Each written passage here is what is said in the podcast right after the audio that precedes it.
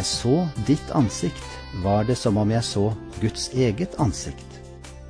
Så vennlig var du mot meg.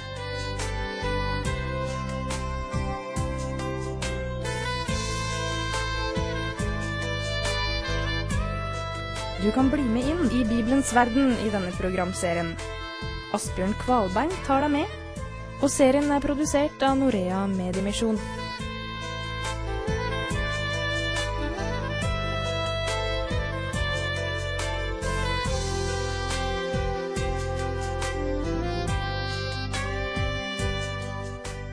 Noen er omsvermet. De ser ut til å vasse i venner. De har en magnetisk evne til å trekke andre mennesker til seg. Andre kjemper med ensomhet. De merker at folk prater med dem av plikt, og samtalen går snart i stå. De føler seg utenfor. Forskerne blir ikke ferdige med å fundere på hva som gjør noen til større vennemagneter enn andre. Vi snakker om god kjemi, og det kan oppstå på tvers av personlighet og interesser. I dag skal vi ikke venne oss til moderne forskningsresultater for å finne ut mer om magnetiske mennesker, men se på noen trekk fra Bibelen. Hold deg fast, så vil jeg prøve å gi deg sju tegn på slike som vi med et godt, gammelt norsk ord kaller vennesele. For det første, de ligner på Jesus. Vennlighet kan bringe noe av Gud inn i en hverdag. Jakob i Det gamle testamentet hadde grunn til å grue seg da han skulle møte broren Esau igjen etter mange år. For Jakob hadde vært lompen mot broren. Men det står så vakkert i Bibelen at Jakob sa, Da jeg så ditt ansikt, var det som om jeg så Guds eget ansikt. Så vennlig var du mot meg. Disiplene Peter og Johannes var som unge redde og tilbaketrukne, spesielt da påskens begivenheter skjedde i et raskt tempo. Men etter at de hadde møtt Jesus som gjenoppstanden fra de døde, ble det en helt annen guts i dem. Det står om folket på den tiden at da de så Peters og Johannes' frimodighet, og skjønte at de var ulærde lekmenn, undret de seg, og de kjente dem igjen, at de hadde vært sammen med Jesus. Disiplene ble fra først av valgt ut av Jesus for å få del i et fellesskap. Bibelen sier at han tok ut tolv som skulle være sammen med ham. Vi begynner å ligne den personen vi tilbringer tid sammen med. Når vi tar tid til å pleie fellesskap med Jesus, vil folk merke det. Alle forsøk på å sjarmere mennesker blir ganske bleke og temmelig kortvarige hvis ikke Jesus får æren underveis. Vi er sammen med Jesus når vi leser om ham, ber til ham, synger om ham, studerer hans ord og har fellesskap med andre kristne. For det andre et gudfryktig forhold til lidelse. Ingen ønsker å lide, men de fleste av oss må lide fysisk eller psykisk fra tid til annen. Hvordan reagerer vi da? Med bitterhet, klage, fortvilelse eller tålmodighet? Hvordan du reagerer, vil folk merke seg. De vil undre seg over hvorfor. Bibelen sier, om dere tåler lidelse når dere har gjort noe godt, da finner det nåde hos Gud. Hvis du selv lider eller har en eller annen funksjonshemming og takler det på en gudfryktig måte, så vil du bli en magnet overfor andre. Du trekker mennesker til deg selv og til Gud. Apostelen Peter sier, Derfor skal også de som etter Guds vilje må lide, overgi sine sjeler til den trofaste skaper i det de gjør det gode. Guds frykt under lidelse gjør større inntrykk enn all verdens aksjoner. For det tredje ærlighet.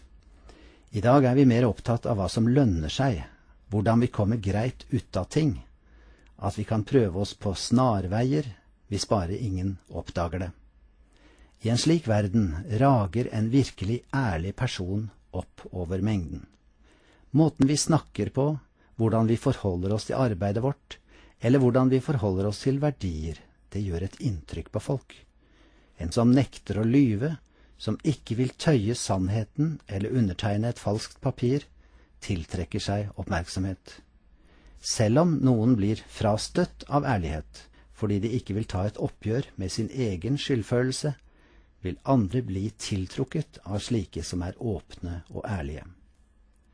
Bibelen sier, Legg derfor av løgnen og tal sannhet, hver med sin neste. Tenk om øynene ikke varsler om noe en kan snuble i? Tenk om øret lyver om advarslene det fikk høre? Nei, sannhet og ærlighet er helt grunnleggende for alt menneskelig fellesskap. Rakner ærligheten, rakner samfunnet. Og ærlige mennesker vinner vennskap i det lange løp.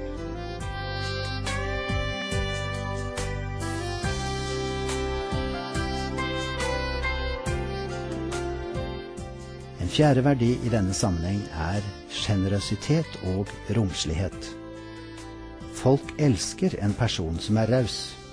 En som virkelig deler med andre av sin tid, sine midler eller hjelper rent praktisk. En sjenerøs person tiltrekker seg venner.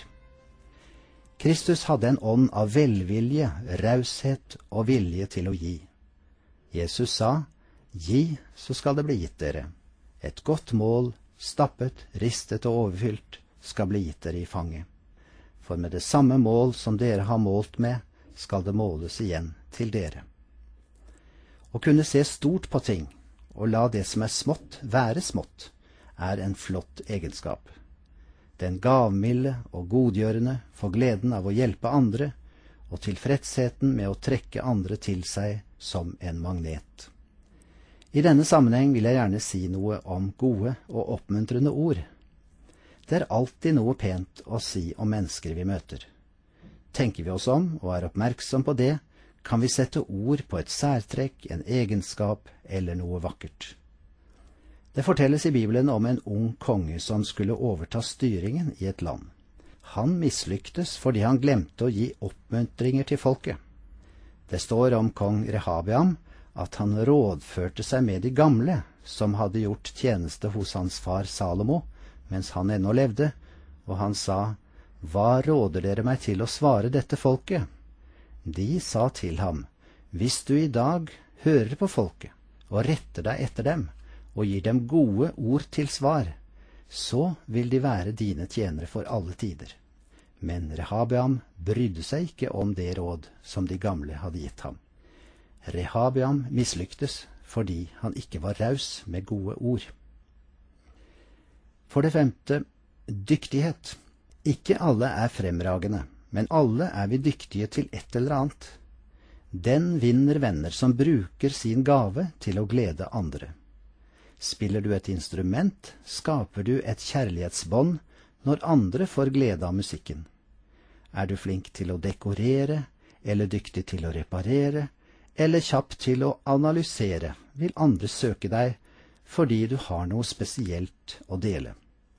Den spesialgaven du har fått, kan du utvikle, enten det gjelder i jobben, hjemme, i en hobby eller ved å bygge et vennskapsforhold.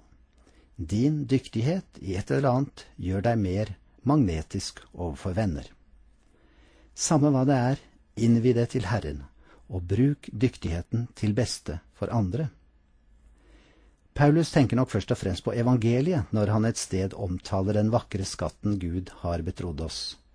Men jeg tror ikke det er galt å anvende det om alle spesialgaver Gud har overøst oss med. Det står skrevet, Ta vare på den fagre skatt som er betrodd deg ved Den hellige ånd som bor i oss. Å ta vare på en skatt innebærer ikke å grave den ned eller gjemme den anonymt på kistebunnen, men ta den i bruk og sett den i omløp.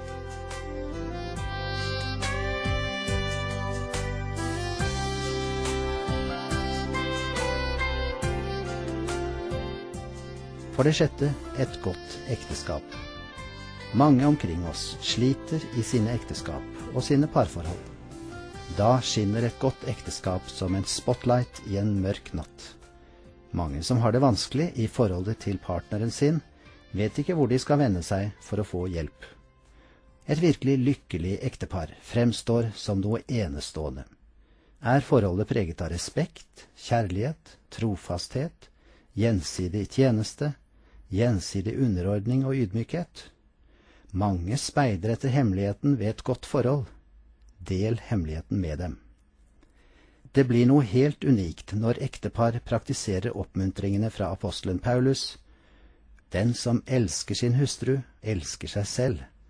Derfor skal mannen forlate sin far og sin mor og holde seg til sin hustru, og de to skal være ett kjød. Gud innstiftet ekteskapet, og han vet at den beste måte å bevare det på, er å vise en underordnende, tjenende kjærlighet.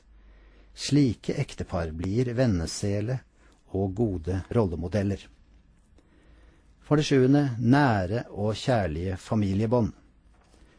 Spør mennesker som er i 40-årsalderen om barna deres, og du beveger deg ofte inn på et følsomt område. Mange har ikke barn, men kunne ønske seg det. Og mange som har barn, synes å ha møtt veggen når det gjelder å ha et godt forhold til dem.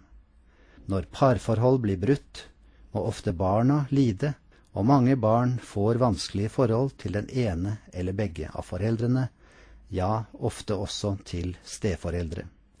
Jeg skal ikke male det svart, for mange har et godt forhold til barna sine, og da får det gode ringvirkninger i forhold til andre mennesker. Inviter mennesker til hjemmet ditt, og la dem observere hvordan dere har det mellom dere. Ingen familier er fullkomne, men hvis du har prøvd å anvende bibelske prinsipper i det å oppdra barna dine og vise omsorg for dem, så er det sjanse for at gjestene vil oppdage en forskjell i hjemmet ditt. Originalt og lysende i vår tid blir det når man ikke bare snakker om å lage barn, men kan si som patriarken Jakob da han ble spurt, Hvem er disse som du har med deg? Jakob svarte, Det er de barn som Gud har unt sin tjener. Barn er en gave fra Gud. Vi kan ikke eie dem, bruke dem eller herske over dem, men vi kan i alt søke å oppdra dem i Guds kjærlighet og etter Herrens vilje, slik at kjærligheten skaper et godt forhold til dem. Slikt bygger fellesskap og skaper magnetisme mellom mennesker. Alle står vi i fare for å isolere oss. Det er et stort kall å være en kristen mann eller kristen kvinne i en sekulær verden. Jeg ønsker at Gud gir oss hjertelag og visdom til å bli venner med andre, mens vi samtidig kommer nærmere Gud.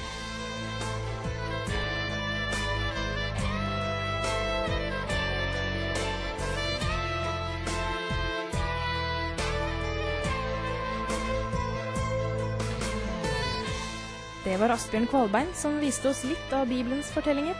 Programmet kan du få tilsendt gratis på en CD fra Norea Mediemisjon. Og på internett kan du laste ned fra norea.no. Har du kommentarer til det du har hørt, kan du ta kontakt med oss. Adressa er Norea Mediemisjon, serviceboks 410, 4604 Kristiansand. Eller e-post respons krøllalfa norea.no.